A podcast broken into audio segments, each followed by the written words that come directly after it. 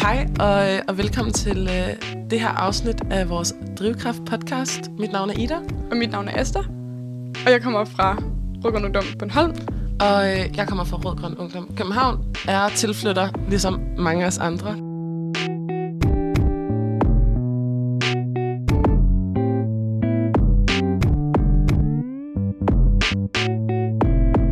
Dag skal vi optage en, øh, en episode af vores Drivkraft podcast i forbindelse med skolevalget. Og øh, det er derfor, at vi har en gæst med i vores studie. Mm-hmm. Øh, det er dig, Frederik. Måske ja. vil du lige give en introduktion til dig selv. Ja, det kan jeg godt. Jeg hedder Frederik. Jeg er 26 år gammel, og jeg er formand for Rød Grøn Ungdom, og har været det i et lille halvt år. Dejligt. Verdens bedste job. Ja, det må man sige. Ja, og det er jo i forbindelse med skolevalg, at vi laver de her tre afsnit. Og Frederik, kunne du ikke lige prøve at forklare lidt, hvad er skolevalg? Jo, skolevalget det er en begivenhed, der finder sted hvert andet år. Det foregår sådan, at en masse folkeskoler øh, får et forløb om dansk politik, som kulminerer i et slags falskt øh, valg, hvor at øh, folkeskoleeleverne simulerer, hvordan det er, når resten af landet går til folketingsvalget. Så i løbet af det her forløb, så får de besøg af nogle ungdomspolitikere, der kommer på besøg og debatterer forskellige mærkesager, og så får de altså selv lov til, folkeskoleeleverne, at gå ned og sætte deres kryds ved det parti, de allerhelst ville stemme på, hvis de havde lov til at stemme. Og for os i Rød Grøn Ungdom, så handler skolevalget jo rigtig, rigtig meget om at sørge for at komme ud og diskutere vores holdninger, øh, og forhåbentlig få en masse unge folkeskoleelever til at se øh, de gode grunde til at stemme socialistisk. Ja, og kan du forklare lidt, hvorfor er det mega vigtigt, at vi har det her skolevalg? Hvad er det, det gør ved eleverne? Jamen, jeg tror, det gør det, at øh, det får unge til at tænke over øh, dem selv som nogen, der faktisk er værd at lytte på, nogen, som folk gerne vil bruge tid på, og som selv har en stemme, der skulle blive hørt.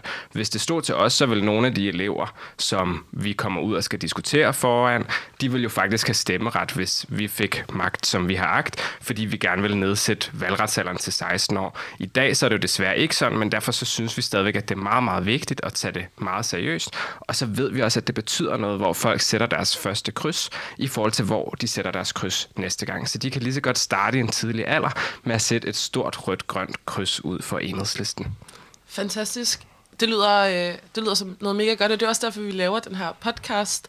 Og, øh, og blandt andet så er det fordi, at vi skal snakke om en af vores mærkesager. Mm. Det er jo sådan, at øh, i efteråret, så har vi i Rød Grøn Ungdom kørt en kampagne om god, grøn og gratis offentlig transport. Øhm, og det, men måske vil du uddybe det en lille smule, Frederik. Ja, altså Danmark står i det, vi kan kalde en transportkrise. Øh, der har hidtil været en form for balance mellem den offentlige transport, det vil sige busser, tog, færger osv., og så den private transport, som jo i særlig grad er privatbilismen. Og den balance, den må man bare sige, den er blevet meget, meget skæv. Øh, det, der er sket de sidste par år, det er, at den offentlige transport nærmest er ved at blive sat helt ud af spil. Og det handler særligt om to ting. Det handler om stigende billetpriser, og det handler om færre og færre ruter det, det, det groft sagt går ud på, det er, at der har været store nedskæringer i den offentlige transport i lang tid, og de har resulteret i, at trafikselskaberne, altså dem, der driver vores busser særligt, er øh, helt vildt underfinansieret. Og når trafikselskaberne ikke har særlig mange penge, så har de groft sagt to valgmuligheder. De kan enten øh, skrue øh, op for billetpriserne og derfor få flere billetindtægter, eller de kan skrue ned for antallet af ruter og afgange.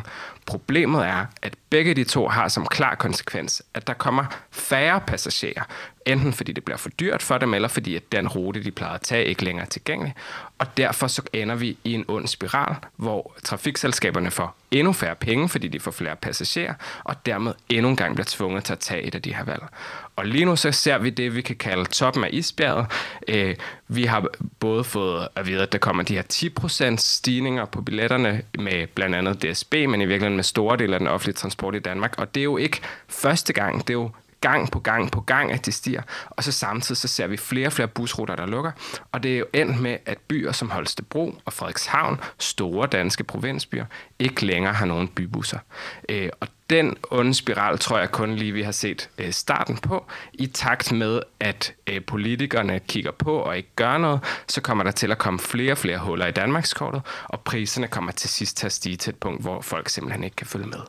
Og det er jo derfor, at vi har valgt, at en af vores mærkesager skal være at gøre offentlig transport Yes. gratis. Og det er det, vi skal snakke om nu. Ja. Ja, og du har været ude og lave kampagne sammen med resten af daglig ledelse, hvor I været ude og snakke med en masse elever rundt omkring på ungdomsuddannelser. Ja. Kan du prøve at sige, sådan, hvad har nogle af de der elever sagt, når I var ude og snakke med dem? Altså først og fremmest så vil jeg sige, at jeg har været mega positivt overrasket over, hvor stor medvind der har været til vores kampagne. Altså, jeg har aldrig prøvet at være ude og snakke med unge vælgere, som i så høj grad følte sig hørt og kunne se sig selv og var lige så forarvet, som vi var. Og det er jo fordi, at mange af dem selv står i nogle svære situationer. Mange af dem bruger over halvdelen af deres SU på deres ungdomskort. Mange af dem oplever, at deres bus kører færre gange om dagen, eller at den er helt proppet, så de slet ikke kan komme på. Og den frustration var jo i virkeligheden det, vi var ude og prøve at få prikket hul på. Øh, Og noget af det, jeg synes var allerfedest ved det, var i virkeligheden, at jeg har en oplevelse at for rigtig, rigtig mange unge, så er den offentlige transport er faktisk ikke et politisk emne. Altså, det er der mange ting, der er. Flygtningepolitik, feminisme, klima. Der er mange ting, som man ved er politiske diskussioner. Men jeg tror for rigtig, rigtig mange unge, men i virkeligheden rigtig mange danskere i det hele taget, så er den offentlige transport, den bliver set som lidt sådan et apolitisk vilkår, som man ikke rigtig kan gøre noget ved. Men i det øjeblik, vi kommer ned til et bord i en spisepause i, på Tisted Gymnasium, og spørger om folks oplevelser om offentlig transport, så finder de jo lige pludselig ud af, jeg er ikke den eneste, der sidder med de her træls oplevelser, og der er faktisk nogle politikere, der har bestemt, at det skal være, som det er. Der er nogle politikere, der med vilje øh, har bestemt, at den offentlige transport skal blive dårligere og dårligere år for år, og ikke vil gøre noget ved det. Og det tror jeg er sådan en stor aha-oplevelse for mange folk at finde ud af. Den offentlige transport er lige så politisk som alt muligt andet, og det handler om prioriteter, og der er nogen, der prioriterer den, og der er nogen, der ikke gør. Og så vil jeg sige, en historie, som særligt ramte mig, var, da vi stod på Horsens Gymnasium, og snakkede med en hel masse unge. Og øh, en af dem kom hen til mig og fortalte, at hendes busrute var lukket. Øhm, og hun boede øh, i en by uden for Horsens, cirka 25 km fra Horsens by. Øhm, og hun fortalte ligesom, at den her busrute var lukket, og så spurgte jeg jo selvfølgelig om, hvad, hvad gør du så nu? Og så kiggede hun bare på mig og sagde, det ved jeg faktisk ikke. Der er ikke nogen, der kan køre mig. Lige nu overvejer jeg, om jeg skal droppe ud. Øh, og det synes jeg bare var helt vildt. Altså, og jeg følte mig magtesløs at stå der. Ja, og jeg kunne jo ikke love hende noget som helst, at vi lige kan fikse det fra den ene dag til den anden. Men for mig var det i hvert fald en god reminder om, hvad det handler om. Altså, det handler grundlæggende om frihed. Friheden til at kunne bevæge sig rundt i vores land, øh, uden at være afhængig af alle mulige andre. Og når den frihed bliver taget fra folk, så kan de altså virkelig mærke det. Og så ender det med, at vi efterlader nogle folk på perronen, øh, bogstaveligt talt, som faktisk ikke rigtig ved, hvordan de skal komme rundt i vores land. Ja, og øh, når I har været ude på de der ungdomsuddannelser, så har I, har I fået eleverne til at skrive nogle breve til Ja. vores kære transportminister. Og jeg ved ikke, du har taget et af dem med fra Jørgen Gymnasie. Kan du prøve at øh, Ja, jeg læse kan lige op? læ- læse det højt. Altså, så det vi, det vi har gjort, når vi har været ude, det er, har været i virkeligheden meget simpelt. Vi har haft en masse papir og en masse blyanter med, og så har vi spurgt, om folk vil dele deres oplevelser eller måske forslag til forbedringer med transportminister Thomas Danielsen. Og det er der mange, der gerne vil. Vi har samlet, mit bud er i omegn af 2-3.000 breve, øh, og kommer jo til at sende en masse af dem afsted til ministeren selv. Øh, men inden da, så har vi stadigvæk en masse af dem, vi kan læse højt. Øhm, ja, så jeg har taget et med fra Jørgen her, som jeg synes bare opsummerer meget fint, hvad det er, det hele går ud på. Ja, den lyder sådan her. Hej, jeg er 15 år og har svært ved at komme hjem fra skole. Har faktisk helt droppet at bruge offentlig transport til skole. Det fungerer ikke. Jeg bor cirka 20 km væk. Før så kunne jeg tage en bus og var hjemme efter en halv time. Nu er den rute væk. Jeg er først hjemme halvanden time efter skole og må både bruge bus, tog og gå på gåben. Jeg kan ikke komme andre steder hen i weekenderne, for der er ingen bus. Jeg savner ikke at være fanget i de små byer. Det er sindssygt rammende, og, øh, og noget, jeg kan relatere mega meget til. Inden jeg flyttede til, øh, til København, øh, boede jeg på Falser, og, øh, og øh, det er også meget fællesskabende, selvom det er måske en lidt trist ting at danne et fællesskab over. Men det er måske også meget, øh, det siger måske også meget, hvor vidt, altså hvor vidt og hvor bredt det, altså hvor bredt det her emne er. Det er, at jeg har, står når jeg er derhjemme, da jeg bor hjemme, i nøjagtig samme situation, ja. som en fra Jørgen gør, og så vi bor i hver sin ende af landet. Præcis. Og der er jo helt vildt mange unge, som lever i virkeligheden i den her ufrihed, øh, fordi de vokser op på landet uden for de store byer, øh, og har helt vildt svært ved at komme til og fra. Altså noget af det, som vi også har snakket med rigtig mange unge om, har været for eksempel natbusser, at rigtig mange ender med enten at tage en taxa, eller nogle gange cykle eller gå eller køre hjem fra byen, selvom de er beruset, fordi der simpelthen ikke er bedre alternativer. Og når vi for, ligesom fortæller dem om, at det kunne jo være, at der skulle laves en natbus, og vi er godt med på, det er ikke fordi, at man kan gøre Falster til København og sige, at der kører en 5C hvert femte minut, men man kunne måske sætte ind en natbus eller to fredag og lørdag, og bare det, tror jeg faktisk vil gøre en hel masse unges liv meget mere frie og meget mere trygge. Øhm, ja. Meget enig. Så lige nu, hvordan ser situationen ud? Og hvordan tror du, den kommer til at se ud i fremtiden, hvis ikke der bliver lavet om på det her? Ja, men lige nu så ser den ud som en bold, der er på vej ved at trille over afgrunden. Altså, at de fleste steder hænger det stadigvæk sammen, og jeg tror, at der er mange, der stadigvæk bruger den offentlige transport til at komme til og fra skole, eller arbejde, eller fest, eller lægen. Men der skal ikke særlig meget til, tror jeg, før vi ender et sted, hvor den offentlige transport faktisk bliver irrelevant for langt de fleste mennesker. Øhm, og det tror jeg særligt kommer til at ske, hvis der ikke er nogen, der gør noget. Altså hvis vi bare oplever som nu, at øh, skiftende regeringer kigger tavse til, mens den offentlige transport bliver værre, så tror jeg, vi kommer til at se et stort skred øh, i, i den offentlige transport, og derfor i unges frihed. Øhm, fordi så kommer det til at være meget mere afhængighed af at have venner eller forældre, der har en bil. Altså noget, jeg synes var ret vildt, når vi var ude, det var, hvordan nogle af de parkeringspladser, som jo i sin tid egentlig har været oprettet til øh, personalebiler, øh, i dag er primært elever, der bruger. Og det er jo ikke fordi, at unge ikke ved den grønne omstilling, eller unge ikke ved den offentlige transport. Det er der virkelig mange brevene, der gør meget, meget klart, at de fleste vil virkelig gerne vælge det, der er bedst for klimaet, men de kan ikke få det til at hænge sammen. Og derfor så ender de tit med at stå i en situation, hvor de har dårlig samvittighed. Og det skal de jo virkelig ikke, fordi det er lige præcis ikke deres eget valg. Det er politikerne, der har truffet en beslutning om, at den offentlige transport ikke skal være farbar i det her land. Og det er derfor, at vi skal ud og kæmpe for den her mærkesag. Og det er også det, den her podcast skal. Det er at klæde øh, lytterne på til, at hvis man skal ud og debattere for enhedslisten til, øh, til skolevalget, ja. så har man lidt øh, mere indsigt og måske nogle argumenter øh, for, men også hvordan man kan slå nogle dårlige argumenter imod det her ned. Og det er det, vi skal, øh, det er næste segment, der vi skal snakke lidt om nogle af de her argumenter.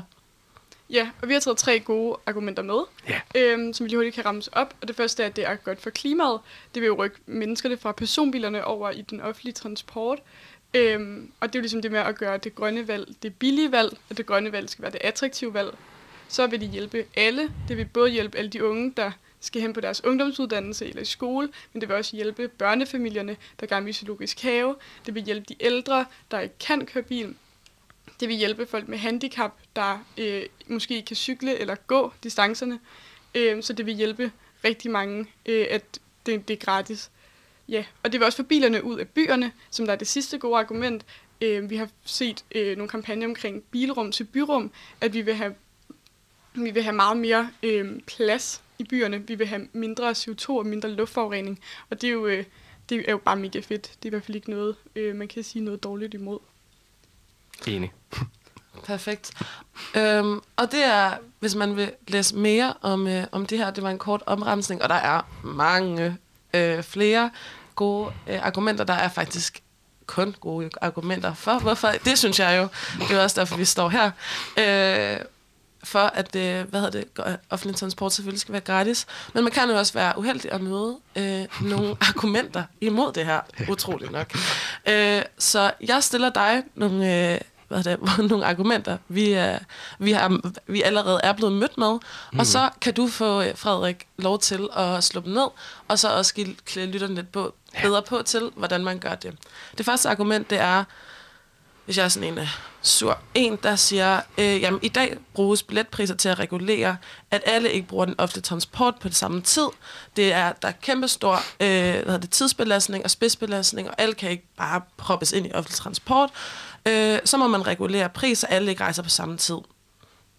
Og så, fordi så bliver de overfyldte.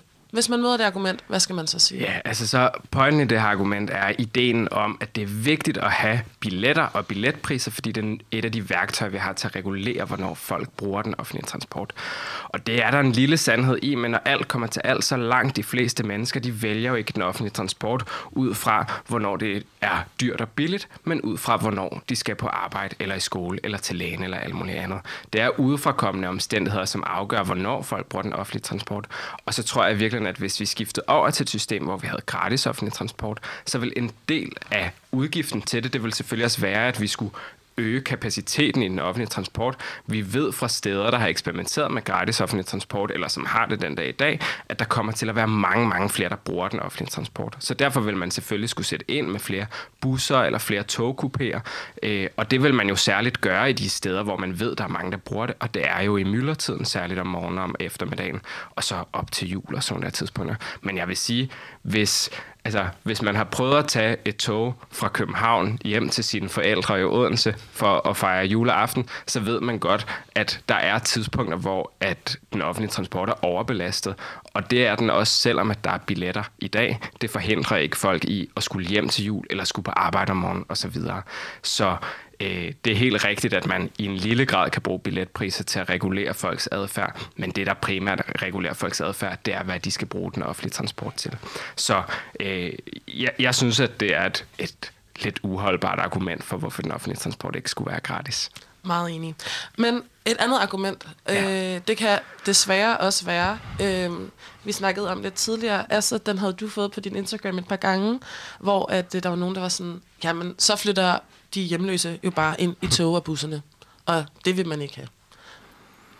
Ja, altså, det, det er nok rigtigt, at lige nu, hvor at der er en del hjemløse i Danmark, så vil nogle af dem se den offentlige transport som et af de steder, hvor de kunne få et frirum, hvor de kunne slappe af, øh, være, blive varme øh, i virkeligheden, ikke blive jaget væk af alt muligt. Og der, tror, der må man jo bare sige, der findes transportpolitik, og der findes socialpolitik, og de to ting er ikke det samme. Altså, vi kommer ikke til at, at løse udfordringen med hjemløshed med at gøre offentlig transport gratis. Det er der alle mulige andre greb, vi skal øh, tage i værk.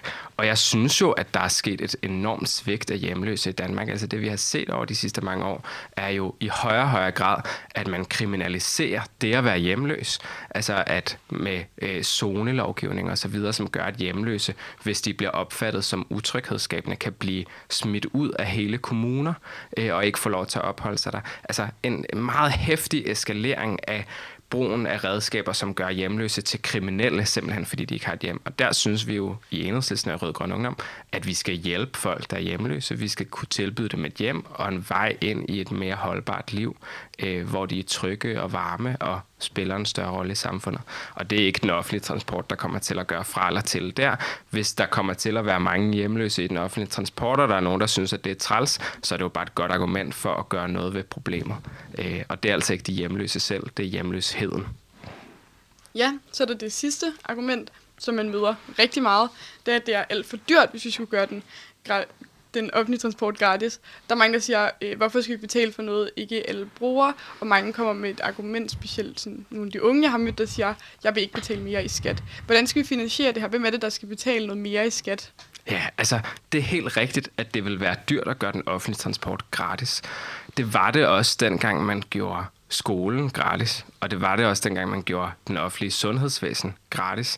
Og jeg må sige, jeg er alligevel glad for, at der var modige aktivister og øh, borgere, som gik forrest og krævede et offentligt velfærdssamfund det her er et af de mange næste skridt, synes jeg, på vores velfærdssamfunds rejse. Men der er også mange andre ting, jeg synes burde være gratis. Det er for eksempel sådan noget som tandlægen. Men i virkeligheden så ser jeg bare den offentlige transport som en forlængelse af det store projekt, som arbejderbevægelsen satte gang i med etablering af velfærdssamfundet for cirka de der 100 år siden. Øhm, så det er rigtigt, at det kommer til at være dyrt. Men ligesom alt andet i vores samfund, så må man jo sige, det er en forsikring som alle ikke kommer til at bruge, det er klart, men som vi stiller til rådighed for folk flest. Jeg har været meget lidt i kontakt med sundhedsvæsenet i Danmark, fordi jeg har været heldig, men jeg må være ærlig at sige, jeg er da meget glad for at vide, at det sikkerhedsnet er der, hvis jeg en dag skulle få brug for det. Og sådan tror jeg virkelig, at de fleste har det med mange af de dele af velfærdssamfundet, som det offentlige bruger mange penge på. Og så er det jo også sådan, at i dag så bruger mange unge jo helt vildt mange penge på offentlig transport. Så i virkeligheden så er det en form for fordeling, som gør det billigere for nogle og dyrere for nogle andre. Og der er jo folk, der så ikke længere vil skulle betale for et ungdomskort eller en sindssygt dyr billet fra København til Aalborg på, jeg ved ikke, knap 1000 kroner snart efterhånden. Altså, så i virkeligheden handler det jo også om at fordele de udgifter, der er i, til den offentlige transport, som i dag ligger en og en hos os hver, og i virkeligheden betale den regning i fællesskab. Og så har vi jo Rød Grøn Ungdom jo faktisk lavet vores første udspil og regnet på, hvad det vil koste at gøre offentlig transport gratis, og ikke bare det, gør det gratis, men også etablere flere ruter og bevare de øh, lukningstruede ruter, der er. Øh, og det, øh, altså, det er vi kommet frem til, det koster cirka 12 milliarder. Og det er jo en stor udgift, men i virkeligheden er det faktisk ikke meget mere, end hvad, det vil, hvad vi vil få, er at lægge en meget simpel 1% skat på formuer over 35 millioner. Det vil give cirka det samme, 12 milliarder, og så kunne vi finansiere det hele. Og det er ikke nødvendigvis fordi, at når enhedslisten en dag har statsministerposten, at vi synes, det er lige præcis den måde, det nødvendigvis skal finansieres, men i virkeligheden en form for tankeøvelse for at vise, at der er masser af penge i det her samfund. Spørgsmålet er, hvor bruger vi dem hen? Lige nu så lader vi dem ligge hos de allerrigeste, som får lov til at få flere og flere penge, i stedet for at bruge det på ting, der vil komme os alle sammen til gavn. Og der synes vi i Rødgrøn Ungdom, at det vil være bedre brugt at tage nogle af de allerrigeste formuer, snuppe en lille procent af dem, og til gengæld så gør den offentlige transport gratis. Det vil være en kæmpe reform af den offentlige transport i Danmark. Det vil give mange flere mennesker frihed til at kunne bevæge sig rundt, tryghed til at kunne komme hjem om natten, og økonomisk sikkerhed i, at de ikke skal være afhængige af dyre ungdomskort eller dyre billetter for at komme hjem og besøge deres forældre eller andre. Tak for det, Frederik. Det, er, øh, det giver sindssygt meget gejst at, at høre det sådan. Og øh, man ærger sig selvfølgelig også over, at man godt øh, at enhedslisten ikke har 90 mandater, når man hører det på den måde. Men det er jo ikke kun i forhold til gratis offentlig transport, sådan her, men det er jo ofte i Rød Grøn Ungdom med mange ting. Men jeg vil bare sige tak for den her øh, mega nice introduktion og, øh, og uddybning af det her emne. Og jeg glæder mig helt vildt meget til at høre om alle de mennesker, der skal ud og debattere det her på vegne af mm. enhedslisten mm. til skolevalget. Vi krydser fingre for, at... Øh, at det går virkelig godt, og så håber vi rigtig meget på, at, øh, at det her, øh, den her lille podcast kan klæde en lidt bedre på. Så jeg vil bare sige tak for den her gang.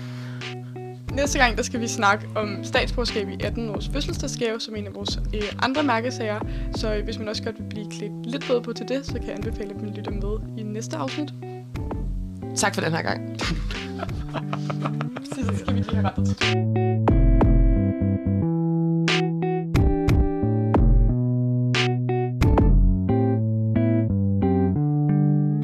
Denne podcast er lavet af medlemmer af Rød Grøn Ungdom. Det her afsnit er optaget og produceret af Ida Nøjbold Andersen, Asta Kofod og mig, Ella Viberg. I redaktionen er også Oscar Ries Jørgard, David Atlander, Sune Bæring, Esther Daggaard, Ejgil Toft og Clara Kofod. Vores logo er lavet af Rasmus Bessermann. Er du medlem af Rød Grøn Ungdom og vil gerne være med til at lave podcast, så skal du bare skrive en mail til drivkraft.rgu Tak, tak for at du lyttede med. Thank you.